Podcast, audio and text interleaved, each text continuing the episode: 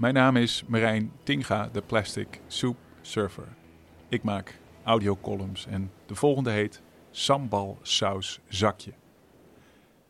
De kop in het AD donderdag was koploper aanpak plastic soep. En er stond een kekke foto bij van de staatssecretaris voor een kleurige walvis van Oceaanplastic in Utrecht.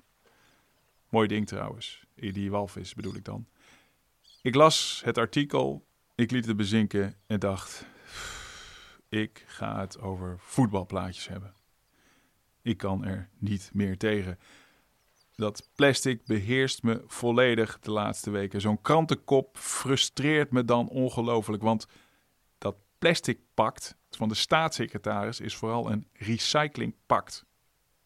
Knarsen tandend mompel ik dan door meer te recyclen verdwijnt de plastic soep niet. Die frustratie is niet goed voor mij, niet voor mijn gezin en niet voor u als luisteraar. Dus ik dacht, voetbalplaatjes. Dat is dat andere onderwerp dat ons bescheiden huishouden de laatste weken bezighoudt. Die voetbalstickers van de Albert Heijn, u kent ze wel. Ze zijn nu vast aangeboden door de cashier met een zangerig voetbalplaatjes. Ik heb een blond jongetje van acht in huis dat op voetbal zit. Dat betekent dus op de fiets naar training brengen en zaterdagochtend vroeg op voor de wedstrijd. Dat is uh, stinkende scheenbeschermers die altijd los van elkaar een verstopplek hebben gevonden. Dat is kunststofkorrels door het hele huis als hij zijn voetbalschoenen uittrekt. Ik zal er verder niets over zeggen.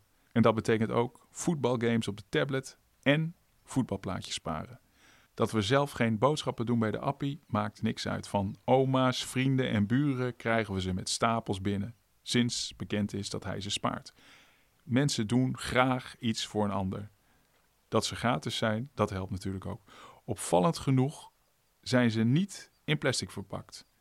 Ik zal er verder niets over zeggen.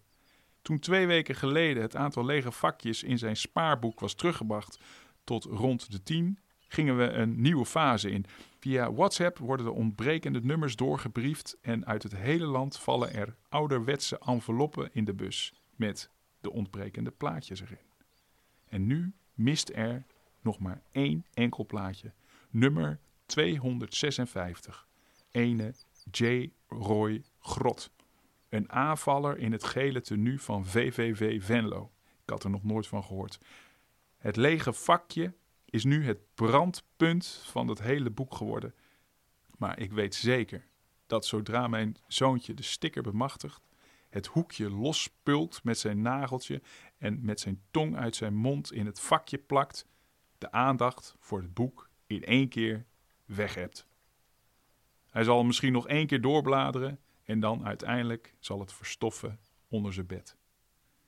En zo is het precies met dat plastic pact. 100% recycling is als de zoektocht naar J. Roy Grot. Waarom in hemelsnaam 100%? Waarom zou je bijvoorbeeld een sambalsaus zakje willen recyclen? Een enorm gedoe met die resten sambal. Wat levert dat voor CO2-winst op? Wat het wel doet, die 100% recycling, is onze aandacht op het recyclingboek houden. Dat terwijl er een ander boek is dat op dit moment echt aandacht verdient. Dat van de plastic vervuiling. En dat is een veel ingewikkelder boek, zonder plakplaatjes, zonder makkelijke successen waar niemand tegen kan zijn. Een boek dat de staatssecretaris zou moeten oppakken. Maar zolang we blijven staren naar de lege vakjes in het recyclingboek, komt er van op kop lopen in de aanpak van plastic soep echt weinig terecht. Dit was de Plastic Soup Surfer. Kijk ook op plasticsoupsurfer.org. Abonneer, reageer en like om onze missie te versterken.